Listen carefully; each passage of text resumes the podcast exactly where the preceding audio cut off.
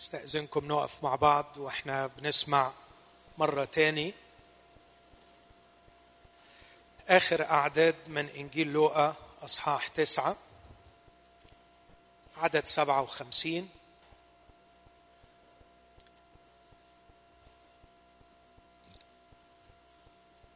وفيما هم سائرون في الطريق. قال له واحد يا سيد أتبعك أينما تمضي. فقال له يسوع للثعالب أوجرة ولطيور السماء أوكار. وأما ابن الإنسان فليس له أين يسند رأسه. وقال لآخر اتبعني. فقال يا سيد ائذن لي أن أمضي اولا وأدفن أبي. فقال له يسوع دع الموتى يذهب يدفنون موتاهم. وأما أنت فاذهب ونادي بملكوت الله.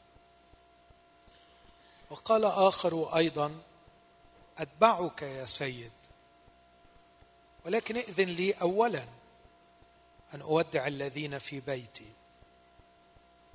فقال له يسوع ليس أحد يضع يده على المحراث؟ وينظر إلى الوراء يصلح لملكوت الله. هذه هي كلمة الرب. خلونا وإحنا برضو واقفين نقدم الشكر للرب. نطلب منه إنه يعلمنا هذه الأقوال العميقة والصعبة لكن الرب قادر يفتح قلوبنا ويفهمنا حقه وتعليمه.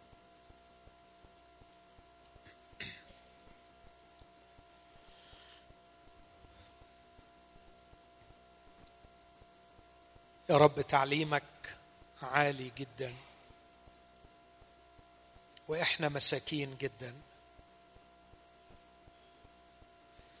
مرات كتيرة بنرخص تعليمك علشان يناسبنا. بدل ما نطلب منك إنك ترفعنا علشان إحنا نتناسب مع تعليمك. اتضرع إليك يا رب إنك تعطيني نعمة وحكمة علشان أقدر أفهم هذه الأقوال وأشرك إخوتي فنتعلم منك وأتضرع أن تعطينا معونة وترفعنا لكيما نكون على مستوى هذا التعليم. لا تسمح يا رب أن نكون سامعين خادعين نفوسنا. لكن ساعدنا علشان نكون سامعين عاملين بالكلمة. بارك حقق وقولك وتعليمك لنا. آمين. تفضل.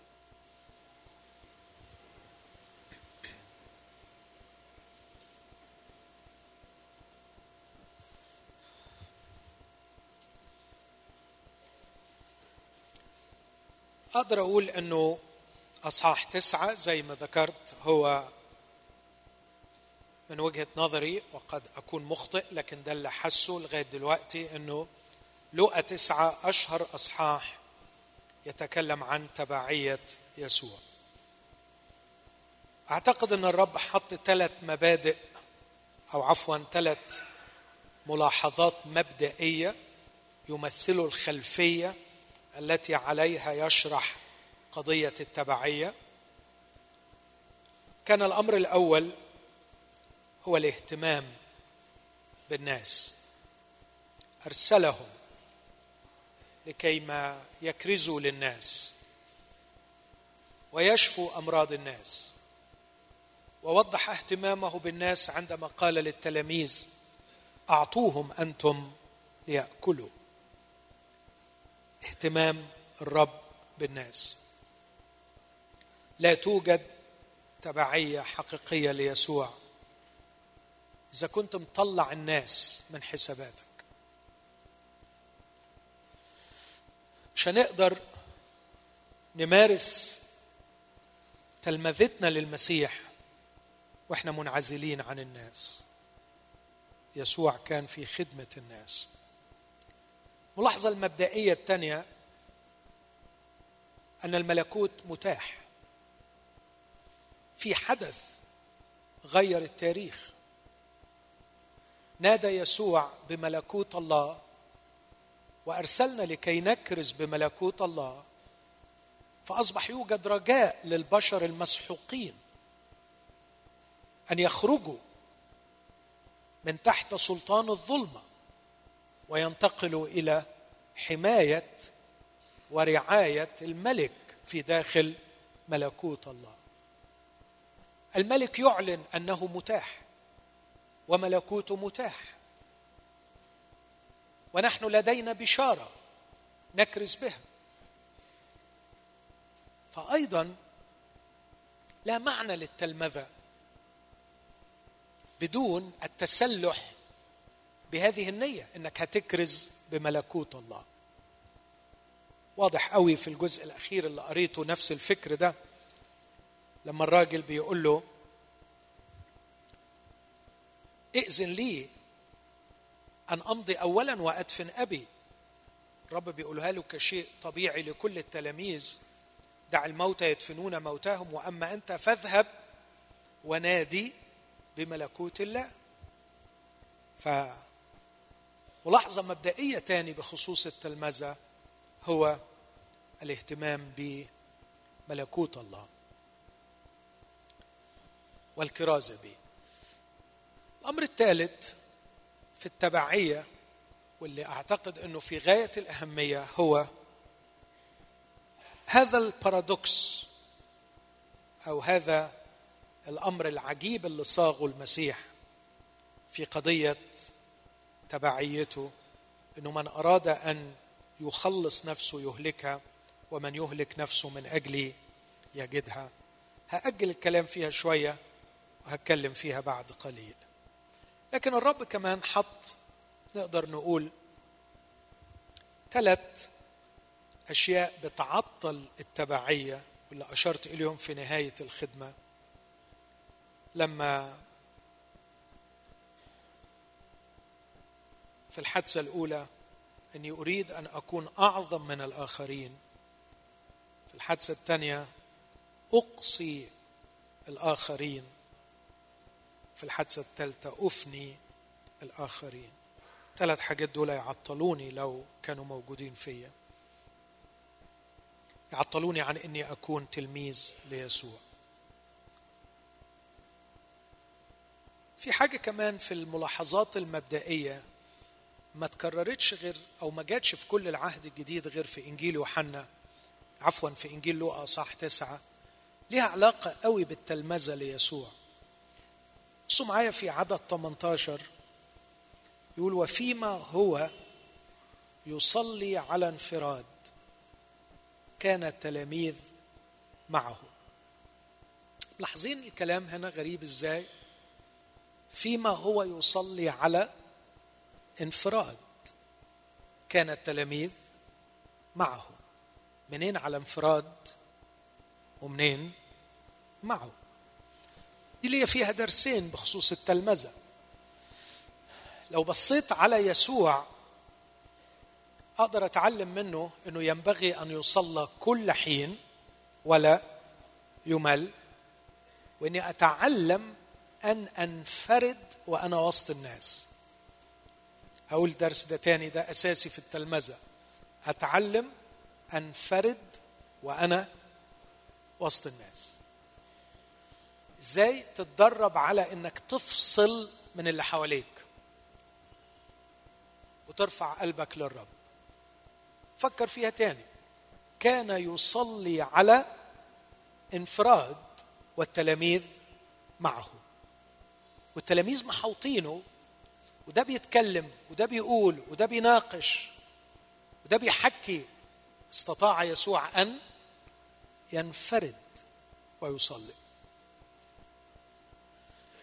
أعتقد ده تدريب من المستحيل بدونه أن نعيش التلمذة الحقيقية للمسيح. إزاي أتعلم وأنا وسط الناس أفصل منهم وأوصل بيه؟ وأرجع بعد كده تاني أتكلم معاهم. لكن ادرب نفسي إني ما اكونش بفصل منه بسبب وجودي مع الناس. لكن من الجانب الثاني من ناحية التلاميذ إنه التلاميذ كانوا معه وهو يصلي. علشان زي ما قلت الصبح إنه الصبي بيراقب المعلم بيعمل إيه. فحتى وهو بيصلي على انفراد كانوا التلاميذ معه علشان يشوفوه بيصلي إزاي. وإحنا فاكرين إنه في مرة تاني شافوه وهو بيصلي فقالوا له علمنا أن نصلي. طب عايز تتعلم تصلي؟ راقبه. كيف كان يصلي؟ الصبيانة اللي بتخليني أراقب المعلم. لكن النهاية بتاعت هذا الأصحاح أقدر أقول ثلاث تطبيقات عملية للتلمذة. واحد جه من نفسه للرب وقال له أنا عايز أتبعك. الرب رد عليه رد صعب مفشل. قال له للثعالب أوجرة لطيور السماء أوكار ابن الإنسان ليس له أين يسند رأسه. الثاني قال له الرب اللي قال له اتبعني قال له أتبعك بس ائذن لي أن أذهب اولا وأدفن أبي. الرب قال له دع الموتى يدفنون موتاهم وانت اذهب نادي بملكوت الله. الشخص الثالث قال له أنا هتبعك بس عايز أروح أودع الذين في بيتي. فالرب رد عليه وقال له إنه ما حدش بيضع يده على المحراث وينظر إلى الوراء يصلح لملكوت الله. أقدر اقولهم في ثلاث كلمات مهمين قوي كتطبيقات عملية من ثلاث قصص واقعية للي عايز يتلمس. الأمر الأول طريق التلمذه ليس سهلا. فمن يتوقع تلمذة سهلة عليه أن يعرف أنها ليست اطلاقا بالسهولة اللي ممكن تتصورها. التلمذة ليست سهلة. طريق فيه مصاعب. الأمر الثاني ترتيب الأولويات. من يريد أن يتتلمذ عليه أن يضع قضية التلمذة هي القضية الأولى فالكلمة المحورية في التطبيق الثاني أن أمضي اولا وأدفن. أبي أي حاجة هتتحط قبل التلمذة مش هينفع. ينبغي أن تكون تلمذتك للمسيح هي نمرة واحد. ودي صعبة برضه فاللي حاطط تصور عن التلمذة إنها قضية سهلة مش هيتلمذ وهيفشل وهيرجع في النص. واللي حاطط التلمذة ضمن مجموعة من الأنشطة بيعملها برضه مش هينفع. التلمذة ما ينفعش تتحط مع بعض الحاجات. التلمذة ينبغي أن تكون قبل كل شيء ومنفردة عن كل شيء. الأمر الثالث التلمذة ليست للاختبار تنفع ولا ما تنفعش لكنها قرار نهائي وصارم واستمرارية إلى الأمام. ثلاث نقط دول مهمين محتاجين إن الواحد يقعد مع نفسه قبل ما ياخد قرار إنه يتحول إلى تلميذ ليسوع. طبعا أنت علشان تتحول إلى عضو في كنيسة المسألة أسهل بكتير مش كده؟ أسهل جدا. وعلشان حتى تبقى يعني خادم برضو أسهل. مفيش الشروط الصعبة دي. لكن علشان تبقى تلميذ لازم تحط في ذهنك الثلاث حقائق دول. التلمذة ليست سهلة. التلمذة لا ينبغي أن توضع مع أشياء هي كل شيء هي كل شيء ثم التلمذة قرار نهائي وليس أمر خاضع للتجربة. إيه معنى الكلام ده أكتر شوية؟ بيقول له أتبعك أينما تمضي. قال له للثعالب أو جرى لطيور السماء أو كار. ابن الإنسان ليس له أين يسند رأسه. لما هتمشي ورايا إحنا هنروح في حتت صعبة.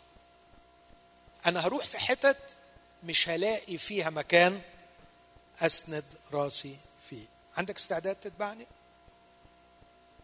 هل التصاقك بيا وتبعيتك ليا أهم عندك من الراحة والنجاح؟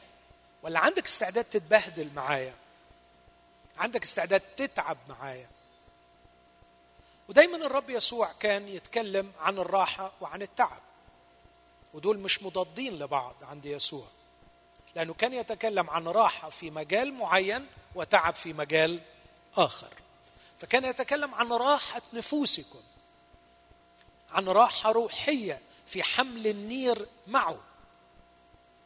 حملي هين نيري هين حملي خفيف. لكن عندما ترتبط معي بهذا النير سوف تعاني سوف تواجه مصاعب. هتعمل إيه؟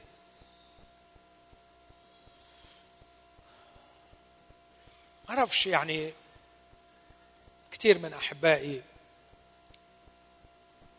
متصورين إن الحياة المسيحية حياة سهلة. وعايزينها تمشي سهلة. لكن حابب أكون دقيق وأمين وأقول الحياة المسيحية ليست سهلة مملوءة بالتحديات لكنها حياة غنية وجميلة وقوية وممتعة لكن ما هياش سهلة.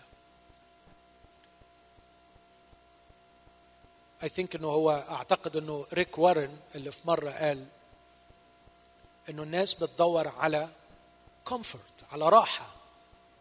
لكن الله بيدور على character شخصية. والناس بتدور على happiness سعادة. لكن الله بيدور على ال holiness قداسة. فإذا كنا هندور على شخصية وعلى حياة قداسة علشان أكون تلميذ حقيقي ليسوع الكلمتين دول فيهم تعب. وبالتالي ما تشتكيش لما تحس إنه الطريق ما هواش سهل. كان الرب واضح. لا السكة صعب بس أنت ماشي معايا وأنا قد الصعب وأنا أقدر أساعدك لو أنت ناوي إنك تكون تلميذ حقيقي لي ما تخافش من السكة الصعبة لأني أنا معاك وأنا هعلمك ومع الوقت ومع احتمالك للصعب هتتحول إلى تلميذ حقيقي لي النقطة الثانية إنه ما ينفعش تتحط مع أشياء كثيرة. ما تقسمش الحياة لمجموعة من الدوائر، دايرة العيلة ودايرة الشغل ودايرة الأصدقاء ودايرة الكنيسة. وكل دايرة ليها مقتضياتها. فأنت بتتصرف في كل دايرة بما تمليه العلاقة هنا. التلمذة للمسيح ما تقبلش كده. تلمذة للمسيح بتقول إن أنت بتتحول تماما إلى تلميذ للمسيح بحيث إنك في العيلة وفي الشغل ومع الأصدقاء وفي الكنيسة أنت تلميذ للمسيح. هي دي الأولوية. للدرجة إنه لو تعرضت ارتباطاتي بأي دايرة من دول مع ارتباطي بتلمذتي للمسيح ما عنديش فرصة إن أنا أفكر على طول بضحي بارتباطاتي. أدفن اولا أبي. تعال أتبعني ودع الموتى يدفنون موتاهم واذهب نادي بملكوت الله. التلمذة للمسيح لا تقبل الشراكة لا تقبل إنها يعني حد يتحداها أو حتى ينافسها. لكن أن تكون تلميذا للمسيح يعني أنك اتخذت هذا القرار وعلى استعداد أن تضحي بأي شيء يتعارض مع التلمذة للمسيح حتى لو كان العيلة. وأعتقد أن الرب يسوع طبق الكلام ده في لو 14 كان كلامه واضح وقال إنه من يأتي ور... إن, إن أراد أحد أن يأتي إلي ولا يبغض يسمى لستة طويلة لا يقدر أن يكون لي تلميذا أقرأها لكم من لوقا 14 بعدما تكلم عن مثل العشاء العظيم. يقول الرب هذه الكلمات في عدد 26 إن كان أحد يأتي إلي ولا يبغض أباه وأمه وامرأته وأولاده وإخوته وأخواته حتى نفسه أيضا فلا يقدر أن يكون لي تلميذا. ومن لا يحمل صليبه ويأتي ورائي فلا يقدر أن يكون لي تلميذا. ومن منكم وهو يريد أن يبني بيتا أن يبني برجا لا يجلس اولا ويحسب النفقة. هل عنده ما يلزم لكماله؟ يعني لما تقرر إنك تتلمذ ليسوع. اجلس واحسب النفقة. وفي الآخر محدش هيجبرك على التلمذة لكن تكون عارف كويس أن التلمذة مكلفة في طريق صعب وأنها ينبغي أن تكون قبل كل شيء. وآخر نقطة الرب استعمل التشبيه الجميل ده تشبيه المحراث. المحراث الفلاح بيبقى حاطط البقرتين وعليهم النير ونازل منهم المحرات وبيسوق البقرتين وبيعمل حسابه إنه البقرتين يمشوا بنفس السرعة وهو ظابط المحرات ومركز قوي على النهاية اللي هو عايز يوصل لها علشان يمشوا في خط مستقيم تخيل بقى فلاح عمل كل الإعدادات دي وبعدين باصص لورا وبيزق. هيطلع مش حراثه لكن الحقل سيخرب وليس سيحرث. فكأنه بيقول مجرد ما حطيت إيدك على قضية التلمذة وعلى المحراث تنطلق للأمام أي حاجة تحصل وراك ما ترتبكش بيها. لأنه الحقيقة في كل يوم هتلاقي حاجات آه مش فاكر مين من القديسين القدماء قال قضيتين في منتهى الخطورة القضية الأولى تشتيت الذهن والقضية الثانية ملل القلب هما أكثر حاجتين بيعطلوا التلميذ في تبعيته ليسوع تشتيت الذهن وملل القلب. إذا ما تعلمناش وما تدربناش إن إحنا ننتصر على قضية التشتيت وقضية الملل هنلاقي صعوبة كبيرة قوي في تلمذتنا للمسيح. التشتيت يبدأ في الجلسة مع الرب في القعدة وأنا أعتقد إنه يمكن بدون مبالغة كل أحبائي اللي بيسمعوني دلوقتي فيش واحد منكم إلا وبيعاني من هذا الأمر. أول ما يبدأ يصلي شيء غريب شيء غريب فعلا. ما تقدرش تركز خمس دقائق هي خمس كبيرك خمس دقائق وتلاقي الفكر شد. في حين انك لو بتتكلم مع حد انت ممكن تركز الساعة. أتمنى هذا يعني وأنتم قاعدين تسمعوني إنكم تكونوا يعني مش بحلم كتير بس يعني أعتقد إن إحنا بنركز مع الناس وبنقدر نحصر ذهننا ونفكر في اللي بيتقال. لكن لما بنيجي نصلي مفيش دقيقتين ثلاثة وتلاقي مخك راح يمين وراح شمال. آه نعم؟ العلاج. شكرا يا خالد. أول حاجة لازم نفهم كويس قوي إن دي حرب من الأرواح الشريرة. أنا ما بحبش مش من النوع اللي بيرجع كل حاجة للأرواح الشريرة. لكن في القضية دي خلي بالك لأني أؤمن أن الصلاة هي انتقال انطولوجي يعني انتقال الكينونة بتاعتي للمثول في محضر الله. لنا الثقة بالدخول إلى الأقداس. فلما باجي أدخل يقيني إن إبليس بيطلق عليا كل الكلاب بتاعته تنهش فيا علشان ما أقدرش أوصل. والحقيقة إن كتير من المؤمنين ما بيوصلوش لأنه أول ما بيفكر يدخل الأقداس ويمثل في محضر الله وتطلع عليه الكلاب دي وتبدأ تنهش فيه بمليون فكرة للأسف الشديد انه هو بيستجيب وبيتراجع ويخسر هذه الحرب. فأعتقد إنه أول طريقة هي اني اصر على الانتصار في هذه الحرب. اللي بيحصل للأسف إنه أول ما بلاقي روحي شتيت بلوم نفسي وبعتبر إنه ده ما ينفعش وإنه ده ما يصحش وأشعر بالذنب فأفشل وأخد بعضي وبطل وده يبقى إبليس يعني حقق منى عينه. لكن لازم أكون متوقع طبيعي جدا. أنت بتعدي في منطقة السماويات تريد أن تمثل في محضر الله. أنت بتعدي عليهم. هي أجناد الشر الروحية فين؟ سماويات. فهي محوطاك وخصوصا لما تقرب للمنطقة دي. فبمجرد إنك تاخد القرار أن تمثل في محضر الله أنت بتعدي في منطقة في منتهى الخطورة. إذا ما كنتش مصر على إنك توصل طبعا هيرجعوك. وكتير مننا للأسف بياخد بعضه وبيرجع ويدخل بقى في دوامة اليوم العادي. فهي عايزة إصرار على إني هوصل يعني هوصل وهقعد يعني هقعد وهتكلم مع الرب وأشعر بحضور وأختبر هذا الحضور مهما كانت النتيجة. لو جه ميعاد الشغل ما خربتش الدنيا هنزل وفي الطريق هكمل. آه، حد بيتكلم معايا هتكلم مع اللي بيتكلم معايا لكن في قلبي إصرار إني لابد أن أمثل في محضر الرب كان يسوع يصلي على انفراد وكان التلاميذ معه أستطيع أن أنفرد وأدخل إلى محضر الله على الرغم من كل الضجيج أو على الرغم من حرب التشتيت القذرة التي يشنها إبليس لكي ما يبعد ذهني عن الوجود في محضر الله. بعض الأشياء اللي بتساعدني طبعا إن أنا أصلي بصوت عالي. ودي بتساعد كتير. يقول الكتاب عن حنة تعبير أنا ما أعتقدش إنه تسجل بالصدفة أنها كانت تصلي في قلبها وشفتاها تتحركان وصوتها لا يسمع. فما كانتش عايز تعمل ضجيج لكن كانت تصلي بكلمات تنطق بها وليس مجرد أفكار في رأسها. مرات بنصلي في سرنا فبتبقى كأنها عملية تفكير وليس كلام لكن حلو إن أنا أصلي بكلام منطوق حتى ولو بصوت خفيض لا يسمعه أحد. الأمر الثالث اللي أنا شخصيا جربته وكان كتير بيساعدني إني أكتب صلواتي للرب.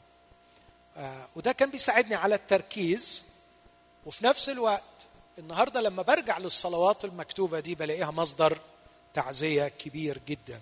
فليكن عندك إصرار إنك هتقضي وقت تصلي مهما كانت الحرب شعواء من العدو لأن هذا الوقت في الخفاء هو الذي يصيغ إنسانك الداخل اللي بعد كده هتتصرف طبقا ليه. طريق صعب لكن كمان مسألة الأولوية. ما ينفعش أبدا أبدا أنك تعلق تلمستك للمسيح على ترحيب الكنيسة بيك ما ينفعش. طبعا ده مش معناه إن الكنيسة ما ترحبش. بس ما ينفعش.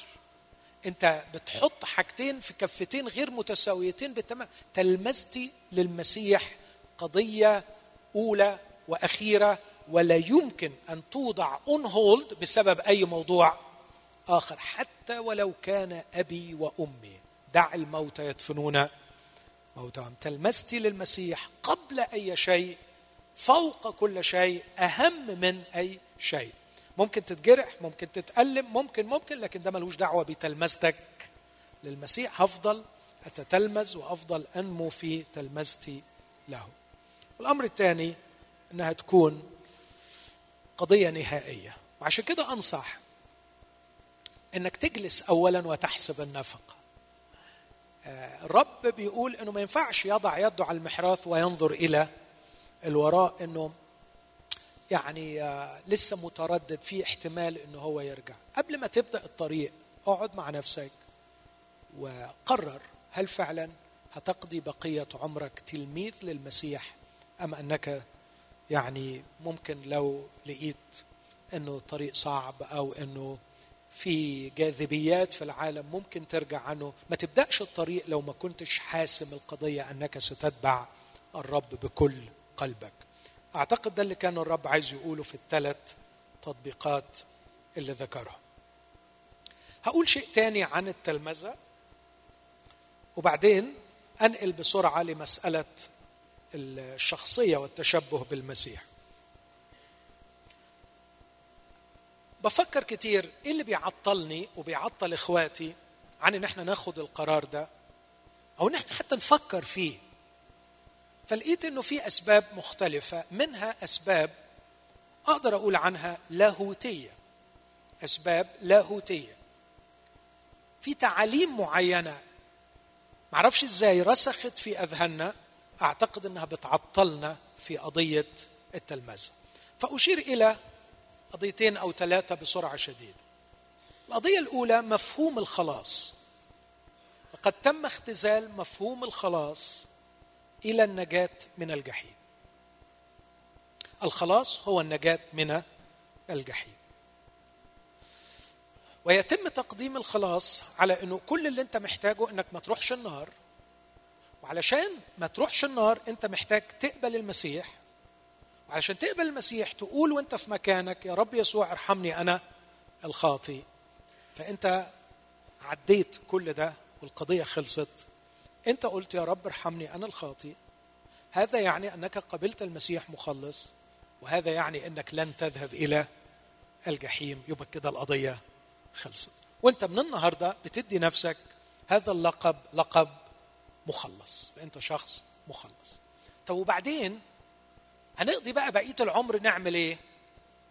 نقضي بقية العمر بقى نرنم ونتبسط لأنه إحنا اتخلصنا ونشوف كنيسة كده تكون بتفهم وكويسة تقدر مواهبي وتقدر إمكانياتي واليومين دول الكنائس الكويسة قليلة جدا لانهم ما بيفهمونيش وما بيقدرونيش ومش قادرين يشوفوا قد إيه أنا يعني مهم.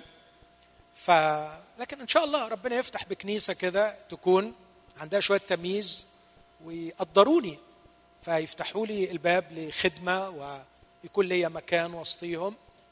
وبس ونخدم ربنا لغاية بقى بقى المسيح. يجي ونتبسط كلنا مع بعض لما نكون هناك. هذا المفهوم الهزلي سامحوني أقول للخلاص غير اللي كان يسوع بينادي بيه لكن مفهوم الخلاص باختصار شديد أقدر أقول أنه استعادة استعادة وتفعيل إنسانية الإنسان المخلوقة على صورة الله. من خلال مشروع الفداء العظيم.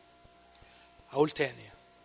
استعادة وتفعيل إنسانية الإنسان التي تشوهت بالخطيه لكن الاستعادة والتأهيل والتفعيل لها من خلال مشروع الفداء العظيم.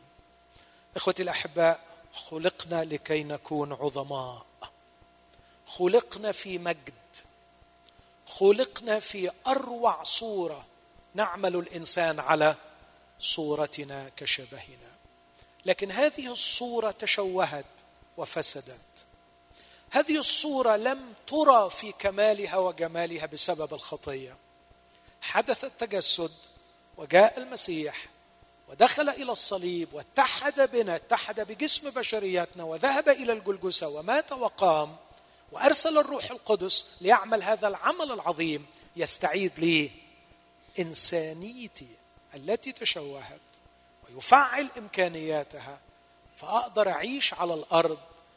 اسمحوا لي أقول في كلمتين ملك وكاهن. فكر في الكلمتين دول. أحبنا غسلنا من خطايانا بدمه وجعلنا ملوكا وكهنه ملك وكاهن. ولاحظ إنه الأمرين دول مش وظائف لكن كينونة جعلني ملكا وجعلني كاهنا. وأقدر أعيش على الأرض ملك وكاهن. يمكن يكون في وقت أرجع للنقطة دي بتوضيح أكثر بس بعد ما أوضح بعض المفاهيم الخاطئة الأخرى.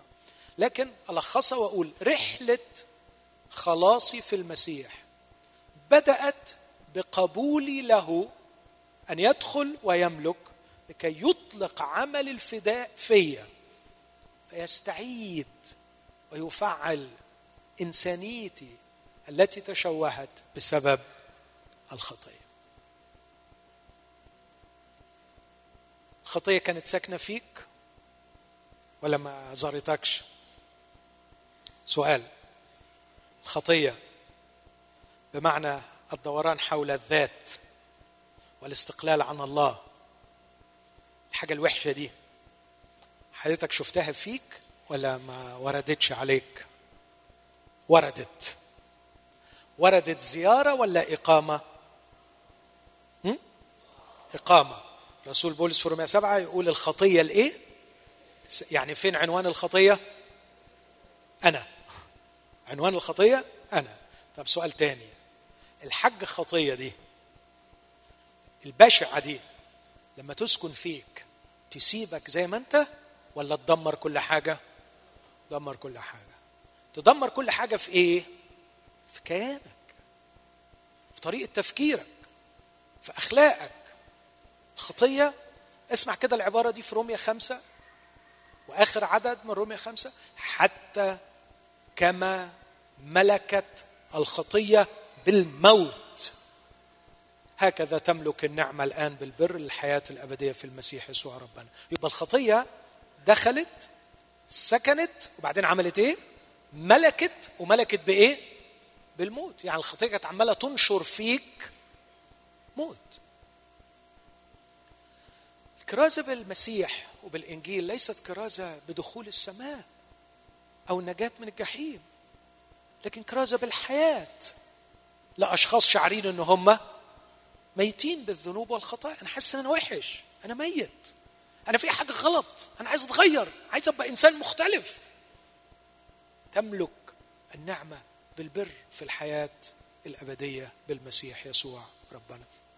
يقول بعديها قبليها في روميا خمسة الذين يملكون في الحياة. بص التعبير الروعة الأول ملكت علي الخطية بالموت أنا دلوقتي مش بتملك علي الحياة لكن أنا اللي بعمل إيه؟ أه؟ الذين يملكون في الحياة. أعتقد أنه الروح القدس لما هيسكن فيك اسمه روح الحياة في المسيح يسوع. فروح الحياة هيفضل طول الوقت يدفق فيك حياة يسوع المسيح لكي ما تحل الحياة مكان الموت اللي كان سايد وموجود. علي واجبين. كل ما أشوف موتي أموته. وكل يوم أتفتح أكتر لمزيد من الحياة. الروح القدس هو روح الحياة يدفق في الحياة. يوم الجمعة كنت بتكلم عن يسوع باعتباره خبز. الحياة آكل منه آكل منه. اللي إحنا عاملينه ده النهارده إحنا جايين نجتمع مع بعض عايزين نحيا أكتر عايزين ناكل من الحياة. نعمل كده كتير لكن كمان من الجانب الثاني كل ما قابل موتي أعمل فيه إيه؟ أموته. حد فيكم قابل موته النهارده؟ تقابلوش موتكم؟ غالبا أنت نسيت شكله. أو أنت مش عارفه أو بيخدعك. لكن أنا عايز أأكد لك إن كل يوم إحنا بنتقابل مع موتنا. والمفروض إن كل ما أشوف موتي أموته. إيه الموت؟ الموت هو الدوران حول الذات. عشان كده يسوع حط شرط التلمذة. أراد أحد أن يتبعني. ينكر نفسه كمركز. على فكرة يسوع بيحب النفس وعشان كده قال بعد كده ومن يهلك نفسه من أجل يعمل إيه؟ يخلصها. هو أنت عايز تخلصها ولا عايز تهلكها؟ أهلكها كمركز اخلصها كوعاء للحضور الإلهي. لأن هي مخلوقة أساسا لتستوعب السكنة الإلهية وليس لكي تكون مركز. صعبة الحتة دي؟ صعبة أوضحها تاني. طب أنتوا فايقين ورايقين يعني و... ومركزين يعني لو قلت حتة تتفهم ولا؟ طيب. خلق الإنسان هقولها باختصار بس ركزوا معايا. خلق الإنسان كاملا لكن ليس نهائيا. زي الطفل الصغير لما بيتولد. بيتولد وبعدين تطلع له رجل وبعدين تطلع له عين وبعدين يطلع له ود. لا. بيتخلق إيه؟ كامل. لكن نهائي خلاص؟ لا لسه قدامه مشوار. خلق آدم خلق الإنسان كاملا لكن ليس نهائيا. ليه ليس نهائيا؟ كان متروك في داخله فراغ لا يملأ إلا بالحضور الإلهي. Openness مخلوق مفتوح للحضور الإلهي. بس ترك له الالتحام والالتصاق بالله إنه هو اللي ياخذ القرار بأن يأكل من شجرة الحياة. لكنه للأسف اختار اختيار آخر. اختيار أن يكون مركز كالله. فاستقل وانغلقت النفس المصممة للحضور الإلهي أصبحت هي مركز. وبدل ما الشخص يبقى مفتوح ينتظر الحضور الإلهي ليدور حول الله الذي هو مركزه بقي بيدور حوالين نفسه. مفهوم لغاية كده؟ دي الكارثة اللي حصلت. ده السقوط. وده اللي إحنا عايشينه. على فكرة علشان تعرف السقوط وتقابله وتفهمه وتشوفه قضيه مش لاهوتية معقدة. كل ما تشوف نفسك بتدور حوالين نفسك هذا هو السقوط. أفكر نفسي وأقول يا نفسي لست مخلوقه لكي تمدي أذرعك للخارج وتسيطري على واقعك وعلى الناس من حولك وتجعليهم يدورون في فلكك ليحققوا لك رغباتك ومشيئتك. لا يا نفسي لقد خلقت على صورة الله لكي تنفتحي له لكي يحل الإله فيك. ويدفق حياته فيك. فتعيشي يا نفسي أروع حياة عندما يحيا خالقك من خلالك. أما الموت فهو إني أريد أن أحيا بالاستقلال عن الخالق لدرجة إني عايز أستغل الخالق علشان يحقق لي رغباتي. وأعتقد إنه من ضمنها أحيانا أأمن مستقبلي الأبدي أن أبقى في حتة كويسة. فده نوع من استغلال الخلق وهذا هو الدين. محاولة السيطرة على الخالق لكي ما يؤمن لي حاضري ويؤمن لي أيضا مستقبلي. ده مختلف تماما عن الفكر المسيحي. الله خلقنا لكي ننفتح له ننفتح لحياته ونصير بعمل الفداء شركاء الطبيعة الإلهية. شركاء الطبيعة الإلهية متحدين بالله. مفتوحين له ومتحدين به حتى أنه يستطيع أن يحيا من خلالنا في هذا العالم. كل ما تلاقي نفسك بتلف وتدور حوالين نفسك بدل ما تكون مفتوح لله ليبارك بك من حولك ويحيا من خلالك هو ده الموت. وعليك أن تنكره. تنكر نفسك وتحمل صليبك. حمل الصليب ممكن أشوفه بمعنى إيه؟ أشوفه بمعنى قضاء الله على هذا الوضع الرديء اللي بيجيب الموت مع المسيح صلبت وممكن أشوفه بمعنى تاني جميل طاعة الله حتى الموت موت الصليب. فأنا لن أقبل هذا الموت وسأطيع الرب إلهي حتى الموت. ده تحدي يومي. عشان كده يقول ينكر نفسه ويحمل صليبه كل يوم ويتبعني أعتقد إنه بالطريقة دي أقدر أعيش تلميذ ليسوع المسيح. كنت بشارك مع الأسيس سامح قبل الخدمة دي. اللاهوت الشرقي اللي إحنا المفروض نكون بنعتز بيه وبنفهمه بيقول إن إحنا شركاء الطبيعة الإلهية مش شركاء الجوهر الإلهي ولا شركاء الأقنومية الإلهية لكن إحنا شركاء الطاقات الإلهية الحياة الإلهية.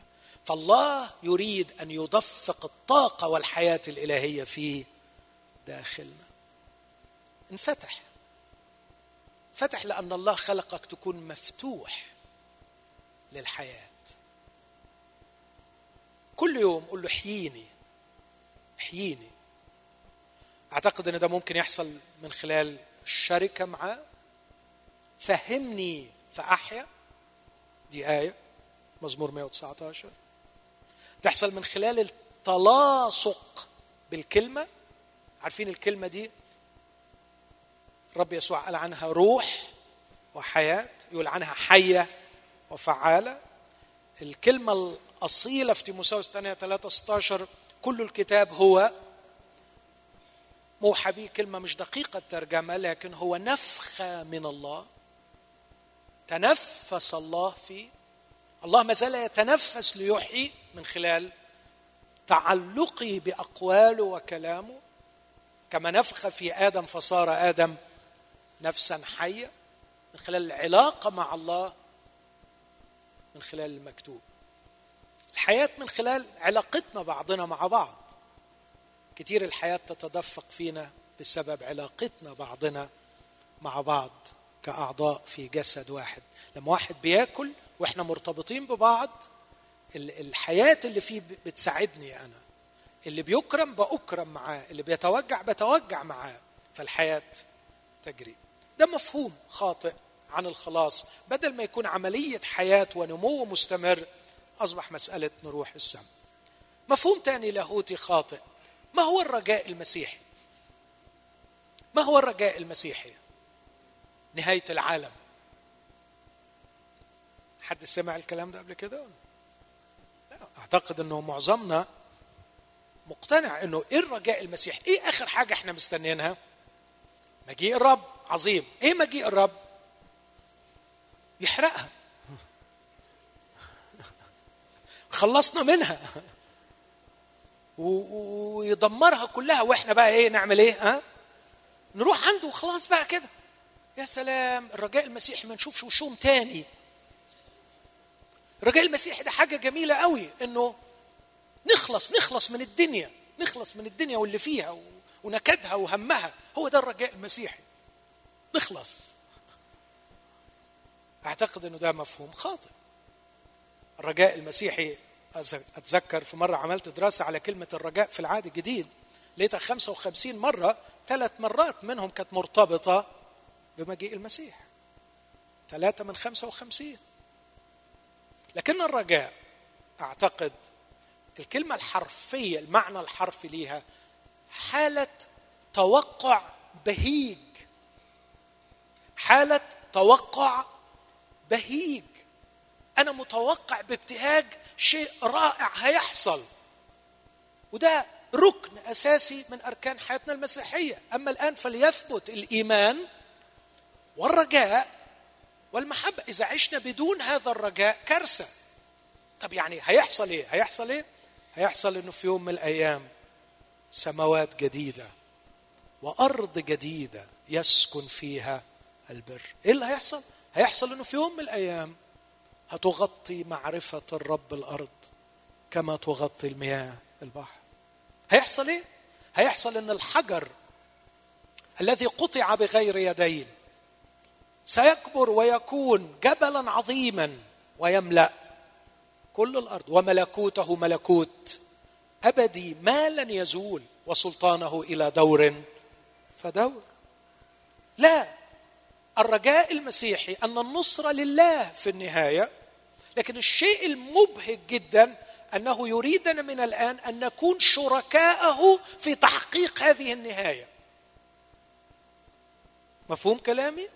شركاء في تحقيق هذه النهاية. إحنا مش رعايا الملكوت إحنا شركاء في داخل هذا الملكوت وفي بناء هذا الملكوت فهو يفتدي ويبني ملكوته. لدرجة إن بولس يقول نحن عاملون مع الله. لو الرجاء هو إن المسيح يجي ويحرقها وياخدنا إحنا ويريحنا يبقى فعلا هنبقى قاعدين مش مستنيين حاجة إلا الحمد لله الحمد لله أهو أهو في حريقه ولعت هناك.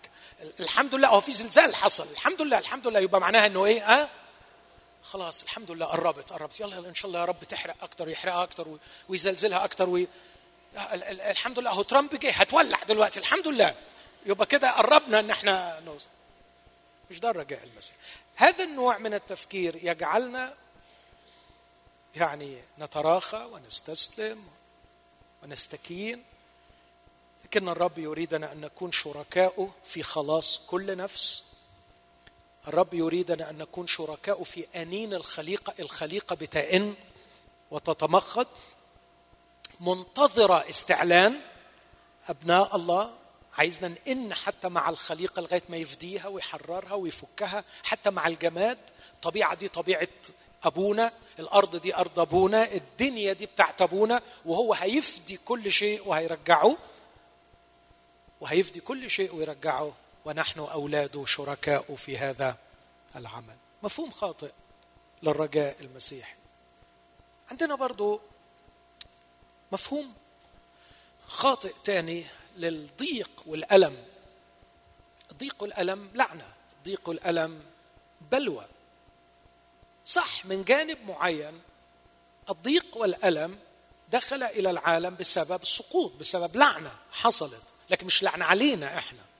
لكننا نحن نعيش في أرض تعاني من هذه اللعنة. الوعد اللي عندنا إن الله أبونا سيحول هذه اللعنة إلى بركة من خلال يسوع المسيح وارتباطنا بيسوع المسيح.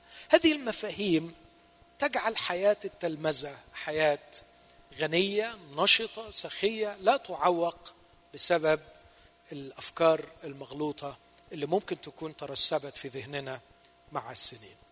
إيه الوسائل اللي أنصح بيها اللي شخصيا اختبرتها وكان لها أثر كبير في حياتي؟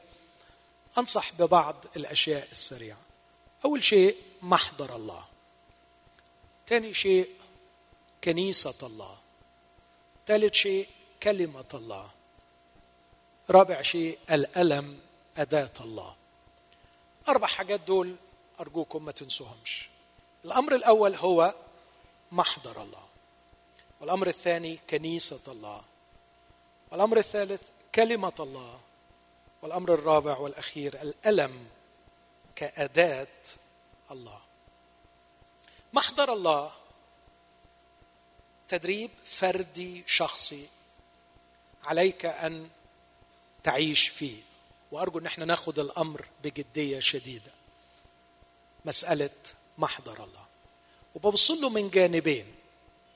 دخولك أنت لمحضر الله أو حضور الله شخصيا فيك. والأمرين دول الكتاب بيتكلم عنهم كتير. أشرت إلى واحدة يوم الجمعة الذي عنده وصاياي ويحفظها. يحبني وأنا أحبه. وأعمل إيه؟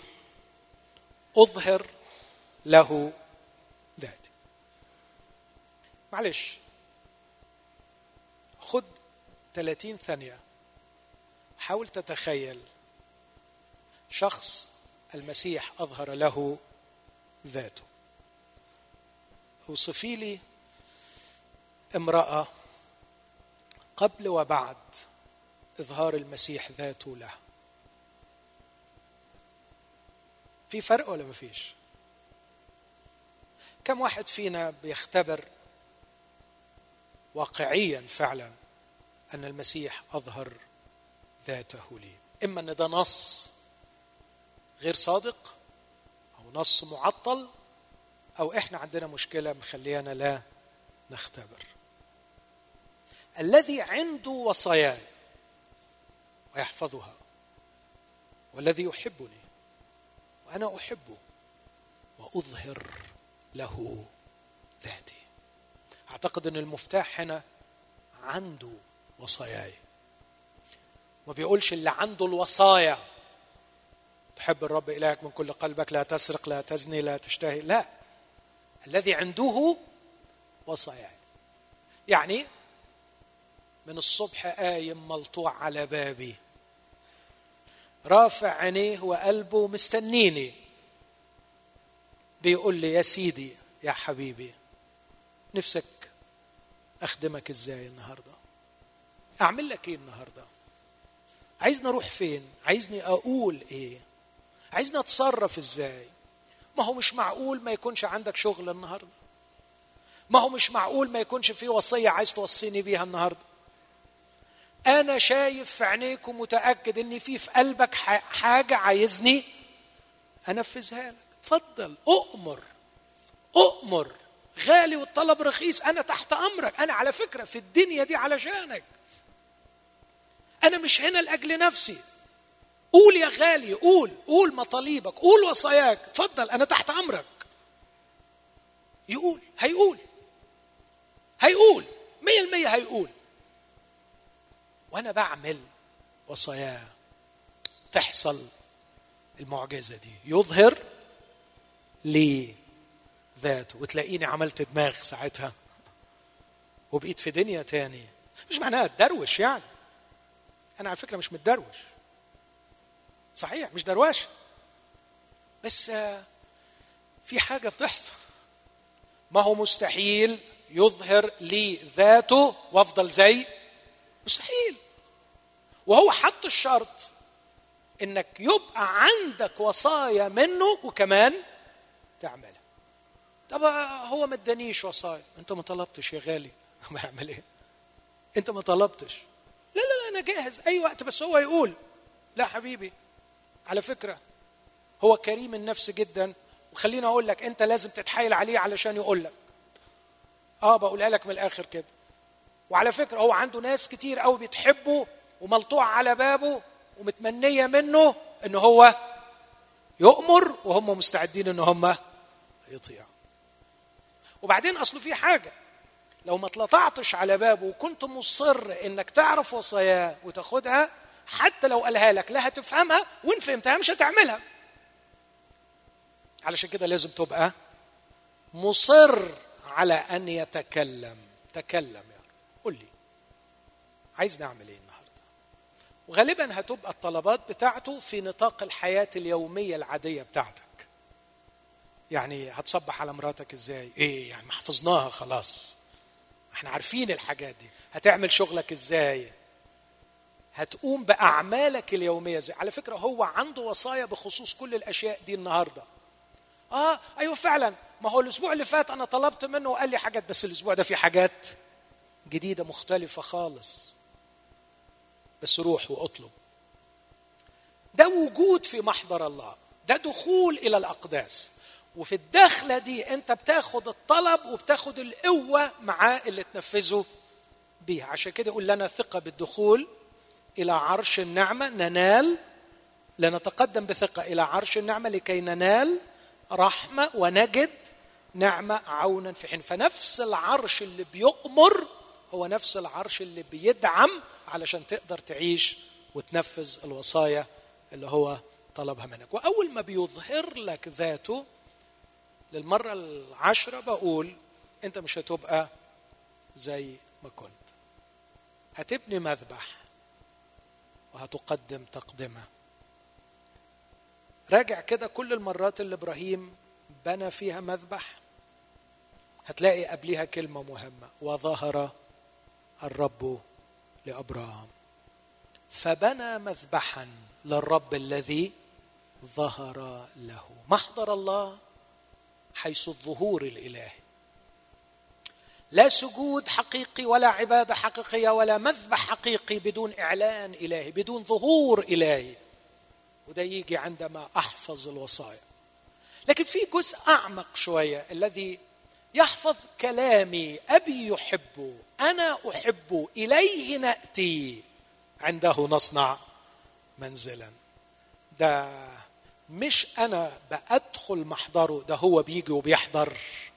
عندي. وبرضو أنا نفسي أتخيل واحد الآب والابن عاملين منزل عنده ساكنين جواه. ده هيبقى طبيعي؟ لا أكيد هيبقى في شيء مختلف. بس ساعتها هيبقى تلميذ حقيقي ليسوع المسيح. سامحوني أحبائي هقول الفكرة دي وأنا مش جادجمنتال مش بدين مش بدين. بس احتملوني لما أقولها. مرات كتير جدا أسمع أحاديث من إخواتي أقول كده في ذهني والرب شاهد مش بدين بس نوع من التمييز أحيانا بيكون.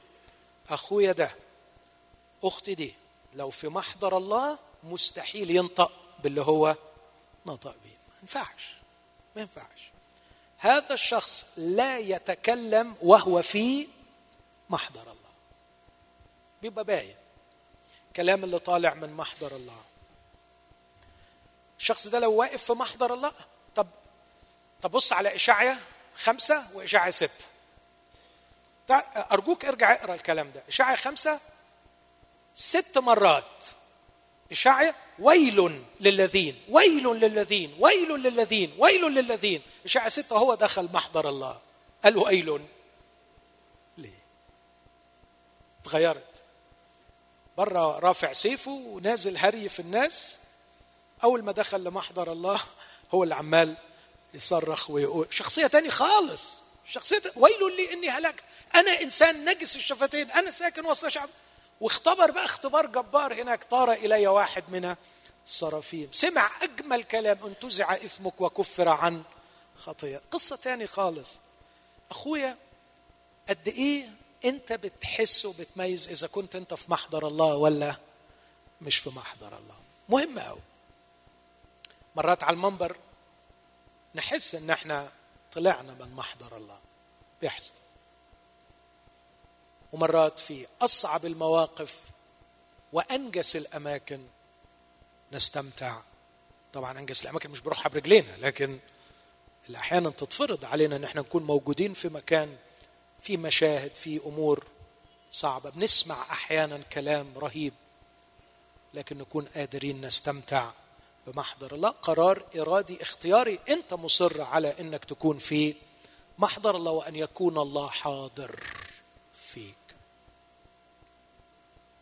أختم النقطة دي بأليشع. ركز معايا في الصورة دي. مرأة الشونامية قاعدة في بيتها. في مدينة اسمها شونم. بتشوف أليشع بيعدي. تشوفه بيعدي. فاكرين قالت إيه؟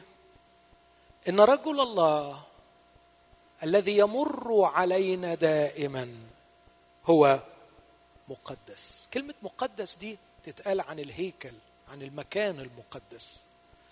بس فعلا كانت تشعر بموجة من الحضور الإلهي. والراجل ده معدي. ربما الهيكل خلا من هذا الإحساس لكن إليشع كان يحمل الحضور الإلهي. دي فكر الله من ناحيتك من ناحيتك ومن ناحيتي أن نحمل الحضور الإلهي ونكون مصرين عليه.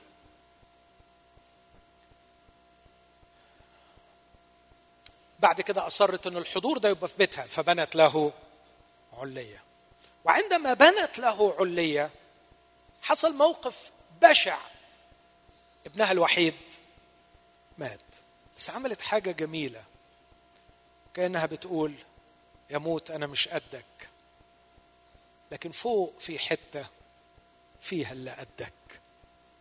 أنا هاخدك يموت وهحبسك في الحتة اللي الله بيحضر فيها.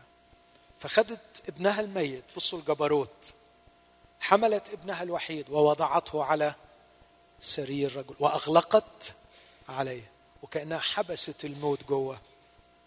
وبتقول له هروح أجيب لك اللي قدك اللي يقدر عليك. هروح أجيب لك شخص بيحمل الحضور الإلهي. وراحت راحت لغاية عنده. قالت له تعالى.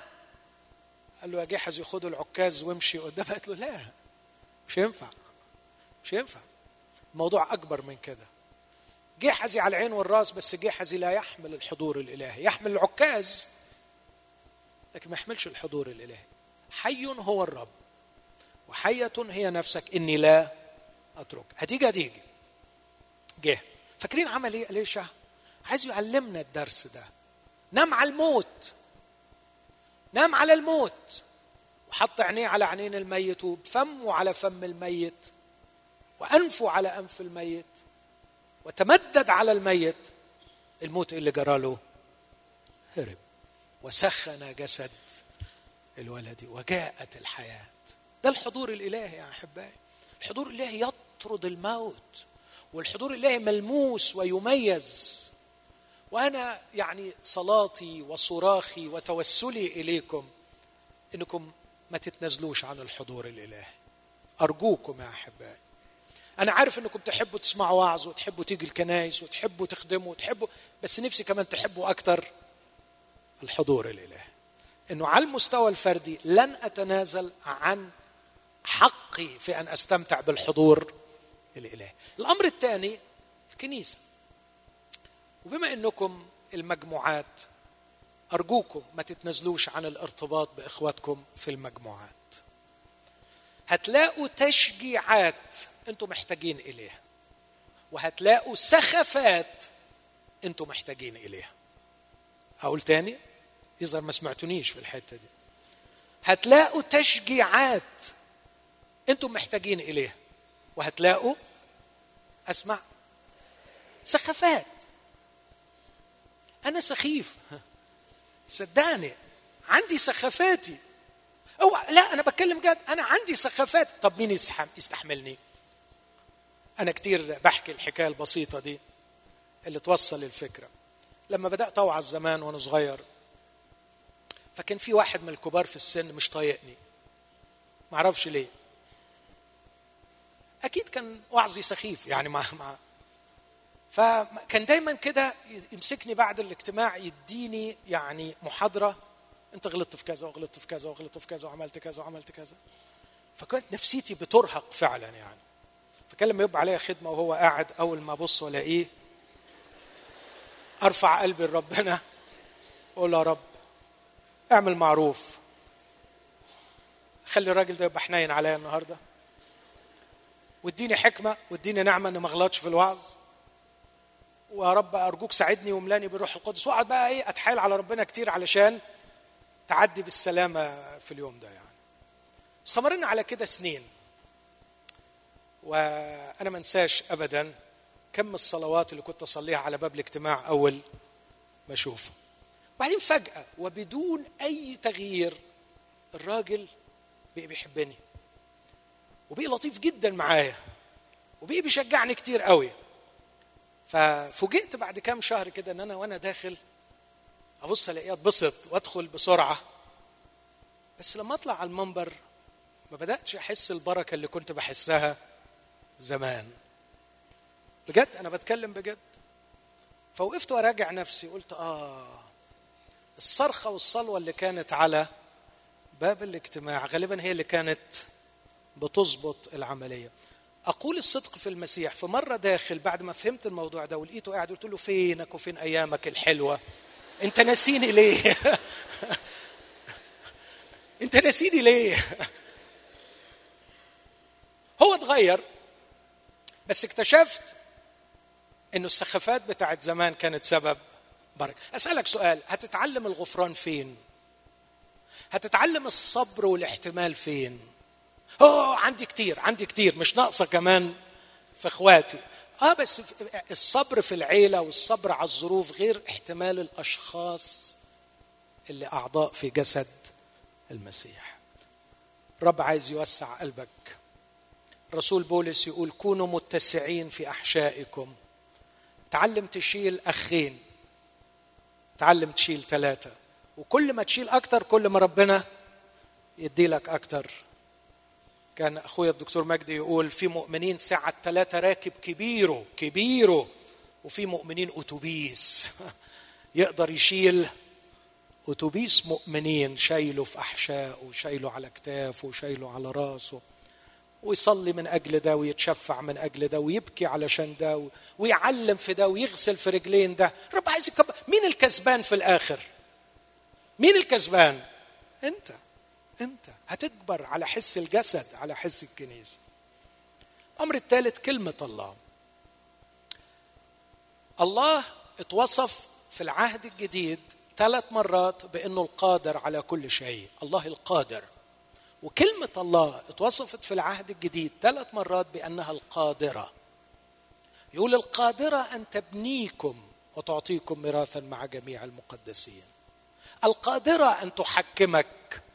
للخلاص اقبلوا بوداع الكلمة المغروسة القادرة أن تخلص نفوسكم. تيموساوس الثانية ثم يعقوب ثم أعمال عشرين.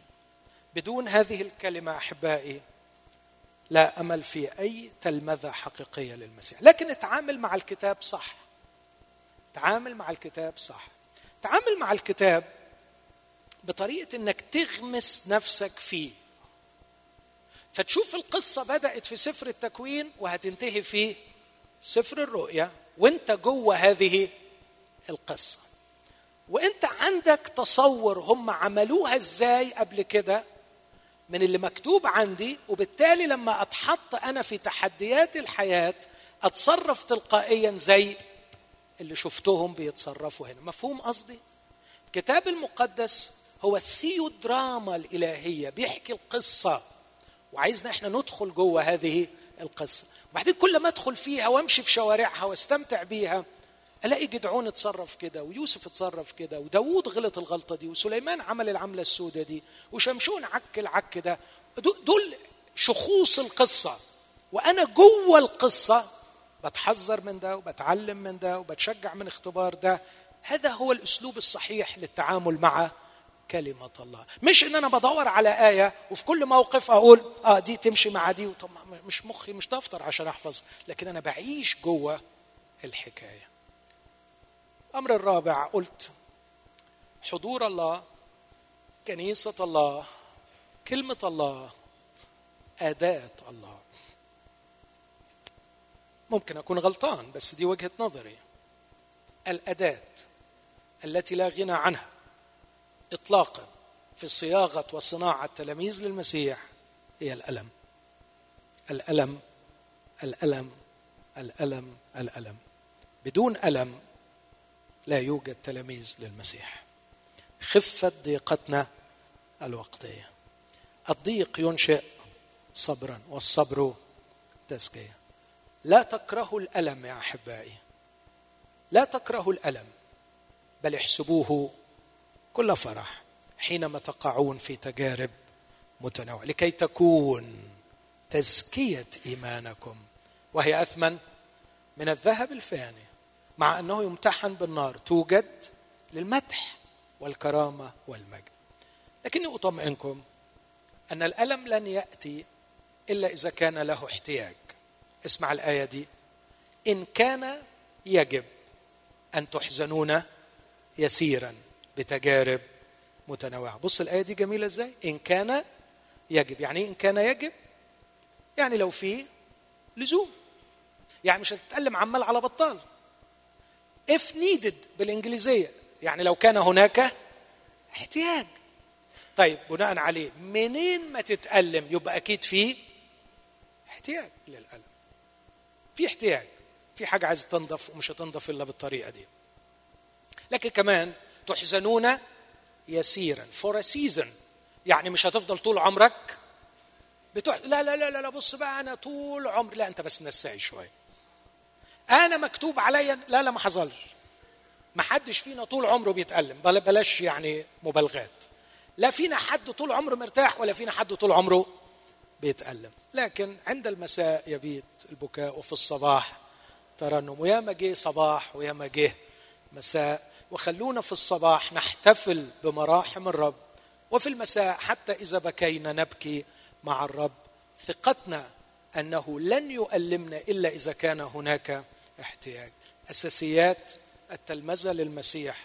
هذه الأشياء الأربعة اللي أرجو إن إحنا نتعامل معها بطريقة صحيحة وده الهوم وورك بتاعنا. انه إحنا نجاهد من أجل الوجود في محضر الله. إن إحنا نجاهد لكي نتواجد مع كنيسة الله. واننا نجاهد في الدخول والانغماس في كلمة الله. وأن نقبل الألم كأداة الله. أمين. قوموا بينا نصلي. وإحنا ناويين نكون فعلا تلاميذ ونتعامل بطريقة صحيحة مع شوية العمر اللي باقيين. أنا ما أعرفش العمر اللي باقي قد إيه لكن يا ريت اتفضل يا بيبو يا ريت شوية العمر اللي باقيين نكون بنستغلهم في تلمذة حقيقية للمسيح.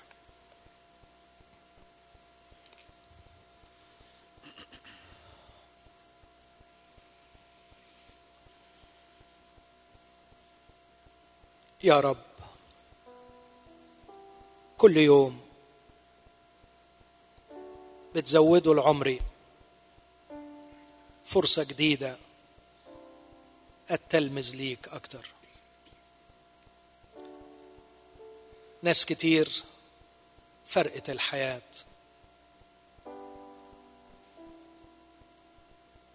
معرفش ليه. لكن أنت سايبني هنا في الأرض. عندك غرض. مش هين عليك أوصل عندك من غير ما أبقى تلميذ حقيقي. سمعني صوتك اللي قلته لبطرس على بحيرة طبرية. اتبعني أنت. اتبعني أنت. آه يا رب علمني أختلي بك وأجلس في الخفاء أمامك. حتى وأنا مع الناس أكون منفرد بيك لغاية ما يملأني حضورك.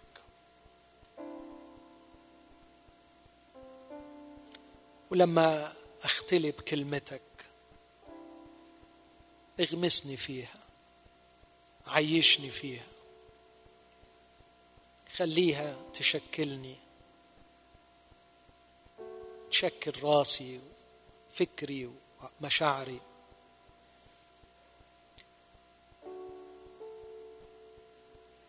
علمنا أتصرف صح مع أخواتي أعضاء الجسد. علمني أبنيهم واستقبل بنيانهم ليا. علمني أحبهم وأغفر لهم. علمني أشوف نفسي أصغر وأعمل كل جهدي علشان هم يكونوا أفضل. يا روح الله يا روح الله محتاج محتاج حضور خاص ليسوع في حياتي. محتاج أبقى يسوع. كرهت ومليت من الصورة الوحشة. اطلق يا روح الله حياة يسوع فيا أكثر وأكثر وأكثر أنا مشتاق يا رب. أنا مشتاق. وناوي وقررت ومش هرجع النهارده زي ما كنت. بداية جديدة النهارده تلمذة حقيقية ونقلة جديدة في علاقتي بالمجموعة وعلاقة جديدة مع عيلتي وتثقل جديد بملكوت الله وأكون نور في بلدي. هفرح قلبك وهتشوفني مختلف أيها المعلم.